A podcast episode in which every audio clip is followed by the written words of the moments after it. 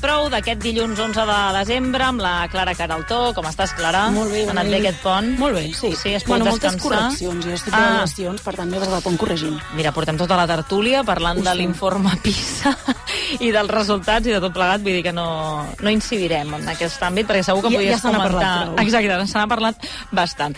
Uh, Pep, Antoni Roig, com estàs? Bona Molt nit. bé, T'ha anat bé el pont? Molt bé. Has fet moltes activitats? He fet bastantes activitats, algunes d'elles eh, una mica prohibides i, i que no et puc dir. Doncs mira, no explicarem per la ràdio. Millor que no, que no fem promoció de segons quines activitats.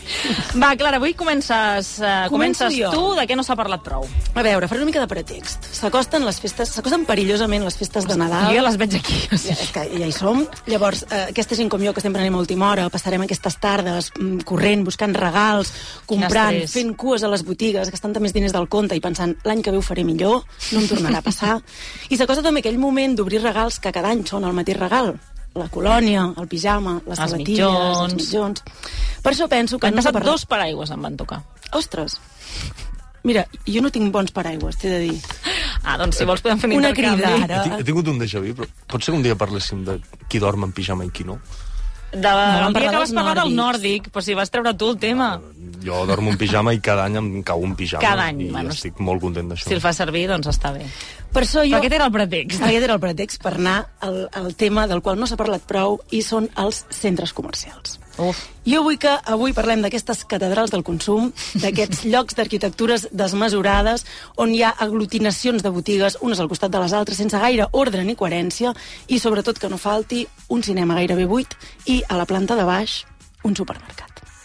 Heu de saber que eh, les galeries comercials tenen l'origen a l'Europa del segle XIX, que anaven adreçats a la classe alta, a una burgesia que s'havia enriquit amb la industrialització, Tenien un altre aire, un altre estil. Totalment. Però que els centres comercials, tal com els coneixem ara, tenen uns inicis um, més precisos i més propers, no? que són a partir del 1950 als Estats Units, els coneguts malls, sí, malls, val? Mm -hmm. que mm, són el lloc on complir el somni americà de la classe mitjana. No? Llavors responen a aquest tipus comercial no? que, que s'adapta a les botigues, a les, perdó, a les ciutats eh, expansives, difuses, i als quals arribes amb vehicle privat. Primera, primer punt del qual vull que parlem és estones perdudes als pàrquings del centre comercial perquè no trobes el teu cotxe. Sí, perquè abans t'anava a dir, a banda de que a la planta baixa hi hagi un supermercat, al soterrani sempre hi ha molt d'espai per aparcar i això de no trobar el cotxe és veritat És terrible. que... Pàrquing T'has de gratuït, fixar en els cotxes ah, i en els números, en els colors, en els dibuixos... Absolutament, perquè eh, tu arribes al teu lloc i dius, val, jo estic segura que l'he deixat a la plaça 230.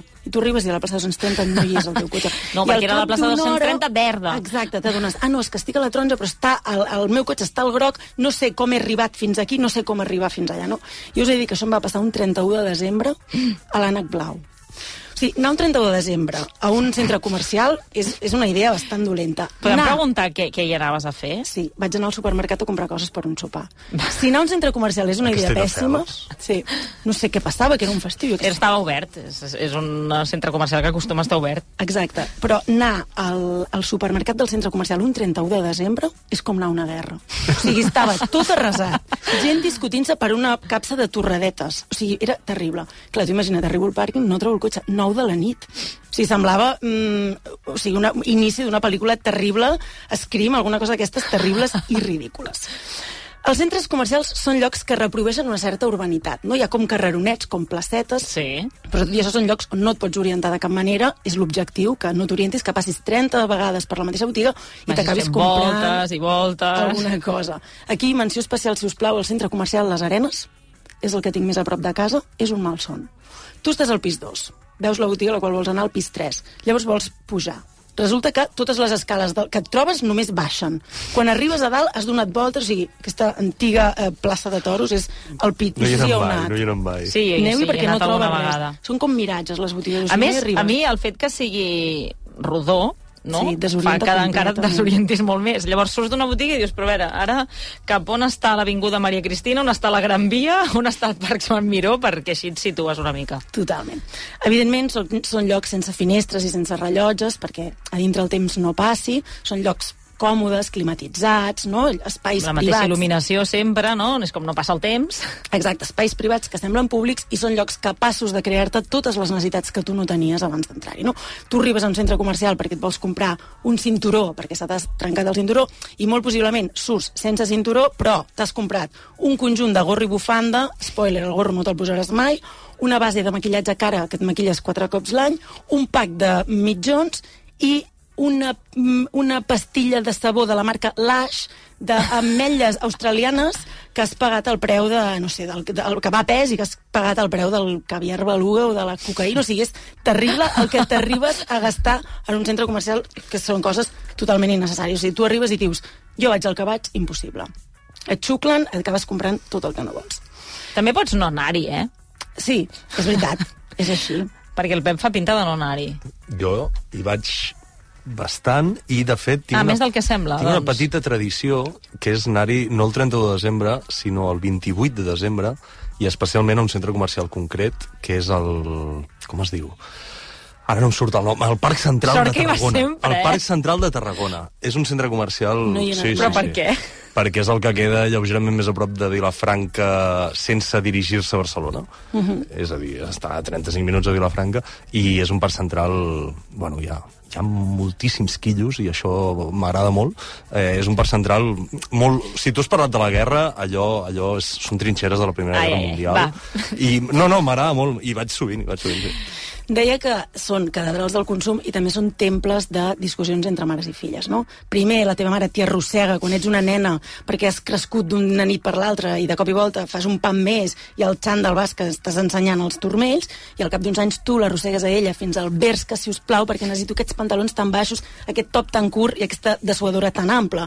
I ella no entén aquesta moda, perquè les mares mai entenen les No. modes de les seves filles adolescents, i llavors són moments de discussions profundes, odis profuns, prometre de tu mateixa que mai seràs com ella i, evidentment, de pensar que tot serà culpa de la teva mare, tots els mals que et passin, perquè I et no t'ha comença volgut a passar que comprar. quan veus l'aparador del Verge que penses, ui, Aquí ja no toca això... Encara entreu al això? No, no, no. Per això dic, però quan veus l'aparador he dit, Pep, Ah, val, no m'has entès, no m'has entès. També són llocs on els homes, i vull dir els homes tradicionals, els que van ser pares als anys 90, un tipus d'home que mai va pensar que es parlaria de, de construcció de la masculinitat, han passat moltes hores asseguts a fora les botigues, mirant a l'infinit, mirant el mòbil, fent una mica de balanç de la vida viscuda, no? fent un treball molt profund de paciència. Que ja posen com, a, com uns sofàs, fins i tot, no? De dir, vinga, aquí t'hi estaràs estona amb televisió i tot, diu el nieto que n'hi ha. Sí, eh? Ja li ha tocat esperar-se, em sembla.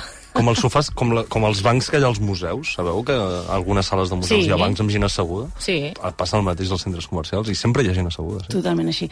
Símbol de l'adolescència, sobretot eh, de les que vam consumir nosaltres als anys 90, al centre comercial és on anaven totes les adolescents de les sèries que miràvem. Per tant, jo, que no m'he criat a Barcelona i que anava al centre comercial molt de tant en tant, quan hi anàvem les amigues era realment el moment de creure't que eres com la Brenda o la Caroline, no?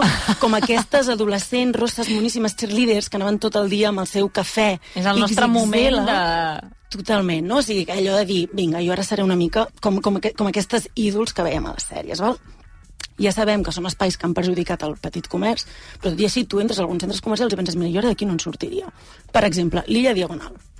Tu vas tirant, vas tirant, vas caminant, arribes a la FNAC, és un lloc que és cookie, és mono, botiguetes de fusteta, plantetes... Va, és un centre lloc comercial una mica diferent, si ara no, no posarem altres, no ho compararem amb d'altres, però potser és una mica més agradable, no? Perquè té sortides a l'exterior, vas veient uh, la llum natural de tant en tant... I en en canvi, fa que no amb el cap, no eh? No, estic pensant... Sí, és veritat, no, no m'ho havia plantejat mai així, és veritat. Sí, pots, hi ha vida exterior Sí, dins propera, l'interior. propera, sí, no? Sí, sí. I en canvi n'hi ha No és un d'altres... búnquer.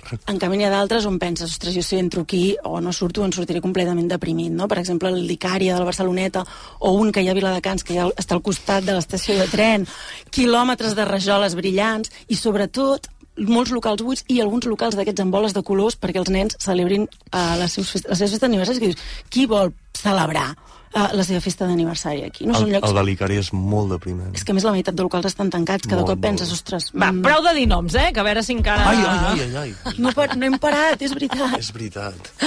Total, que els centres comercials són aquests no llocs que deia el Marc Auger, no? Les, els aeroports, les àrees de servei, aquests llocs que, tot i que imiten una certa urbanitat, són llocs on no hi ha interacció, o sigui, són llocs que el que fan és um, portar-te un, un anonimat absolut. No? És com si tothom estés allà, um, tipus show de Truman, saps? O Sí. sigui, com si fossin un, un, un decorat. Només per acabar ja, molt ràpid, tres ficcions que, en què els centres comercials han sigut molt importants. Stranger Va. Things, tercera temporada, tot passa en un centre comercial que, a més a més, rosa, que a més a més existeix. Més de la nostra època, Abril Lavigne, Complicated, vosaltres en recordeu? Ella es va mostrar al món com una gamberra que ho destruïa tot als centres comercials, o meravellosa, The Last of Us, Ah, heu sí. vist aquesta sèrie? Sí, sí, sí. Estem entre les dues adolescents en aquest món postapocalíptic Sí. i el, el No comercial acaba bé.